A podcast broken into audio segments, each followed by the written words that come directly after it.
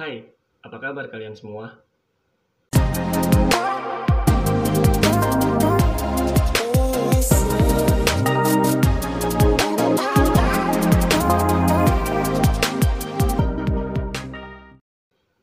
Bertemu lagi sama gue Aji Fikri. Buat kalian yang belum kenal gue, silahkan subscribe channel ini dan ikuti video-videonya ya. Di sini, gue akan coba fokus membuat video-video yang berisikan tentang edukasi. Gue akan upload dua hari sekali, dan menariknya, kalian juga bisa menikmati kontennya dengan cara yang berbeda. Bisa dengan cara mendengarkan, karena gue juga akan upload bentuk audionya sebagai podcast, dan juga dengan cara dibaca, karena gue juga akan share setiap konten edukasi ini sebagai bentuk tulisan di blog gue. Panduannya ada di kolom deskripsi ya. Oh iya, BTW ini udah mau jam 10 malam, dan gue juga baru pulang kerja sih. Gue berharap gue bisa ngasih yang terbaik di video ini. Oke, pada kesempatan kali ini gue mau bahas soal legacy. Sebenarnya topik ini masih cukup berat buat gue bahas, karena gue pun masih mempelajarinya sampai saat ini. Tapi nggak apa-apa, sambil belajar, sambil sharing.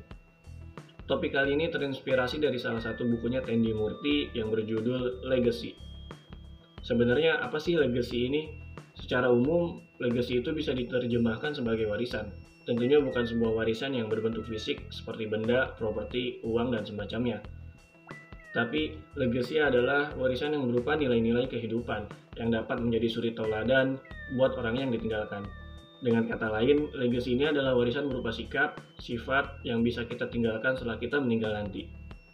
Gue pribadi masih cukup mendalami hal ini. Jujur, menentukan sesuatu apa yang akan kita tinggalkan suatu saat nanti adalah hal yang nggak cukup sehari atau dua hari untuk dilakukan. Tapi dari sini sebenarnya secara tidak langsung kita seperti sedang dituntun untuk menemukan tujuan hidup kita yang sebenarnya. Di luar dari hidup itu untuk beribadah kepada Allah, pasti keberadaan kita di dunia ini juga ada tujuan lain selain itu. Cuma yang jadi masalah kan kita ini belum tahu apa tujuan hidup kita dan apa yang mau kita wariskan nanti.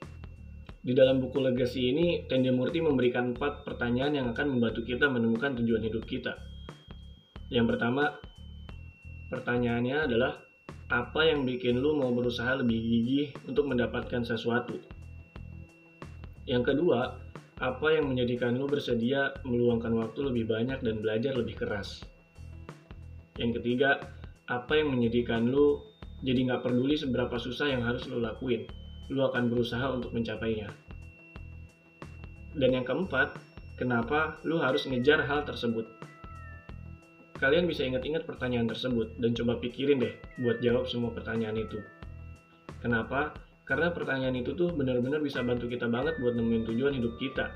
Sehingga nantinya semakin terbuka wawasan kita tentang legasi atau warisan apa yang ingin kita tinggalkan.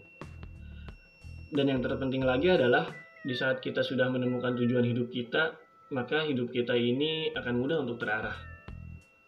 Tapi kalau benar-benar sulit nemuin jawabannya, coba deh lihat dan pikirin orang-orang terdekat kita.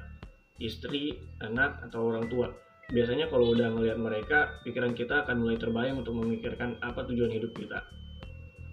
Kalau boleh bercerita, almarhum bokap gue itu boleh dibilang berhasil dalam memberikan warisan, terutama dalam suri teladannya. Karena Sampai saat ini beliau adalah sosok inspirator dalam hidup gue. Seringkali di saat gue lagi dalam kondisi down, dengan mengingatnya aja gue bisa langsung bangkit lagi.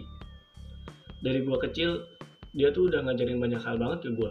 Mulai dari arti sebuah kasih sayang, arti tanggung jawab, arti kesabaran, dan masih banyak lagi hal lainnya.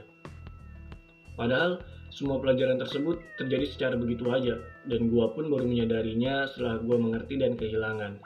Sehingga banyak kata ternyata yang muncul di otak gue pada saat itu. Ternyata gini ya, ternyata gitu ya. Dan yang paling gue jadiin pelajaran banget di saat gue nemuin kata, oh ternyata ini ya alasannya kenapa dia ninggalin gue di usia yang masih terbilang cukup muda, yaitu 14 tahun. Sampai saat ini, sebagian besar perjalanan hidup gue terinspirasi dari beliau, dan tentunya juga dengan harapan gue bisa jauh lebih baik lagi dibanding beliau. Begitu juga dengan almarhumah ibu gue, dengan ketegaran dan kebesaran hatinya, beliau membuat gue menjadi pengagumnya nomor satu. Ngomongin soal ibu, memang bisa dibilang ibu gue ini agak sedikit berbeda dengan bokap gue dalam hal mendidik anak. Di antara kedua itu, ibulah yang mengambil peran tegas untuk mendidik anak-anaknya. Dibanding bapak, ibu gue jauh lebih tegas dalam hal apa pun. Sampai-sampai semua anaknya tuh pada takut kalau ibu udah ngomel. Well, ngomelnya ibu itu memang untuk kebaikan sih, tapi kadang tetap aja suka risih kalau lagi diomelin mulu. Dan itu juga yang menginspirasi gue untuk perjalanan hidup gue ke depannya.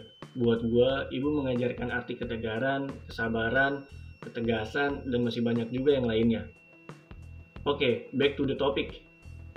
Kepengen gak sih kalian suatu saat nanti kebaikan kalian tuh bisa dikenang oleh orang lain atau bahkan bisa dijadiin panduan untuk hidup orang lain? Jujur, gue kepengen banget hal itu. Tapi gue masih harus belajar banyak untuk membuat nilai-nilai itu semua.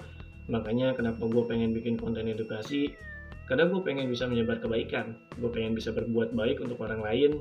Gue pengen bisa dikenang baik di mata orang lain setelah gue meninggal nanti. Sehingga gue berharap stigma baik terhadap gue itu bisa menjadi doa juga di suatu saat nanti setelah gue tiada. Jadi yang perlu diketahui juga adalah bahwa Allah menciptakan kita nggak semata-mata hanya untuk beribadah kepadanya aja, tapi juga pasti ada visi tertentu kenapa Allah menciptakan kita di dunia ini.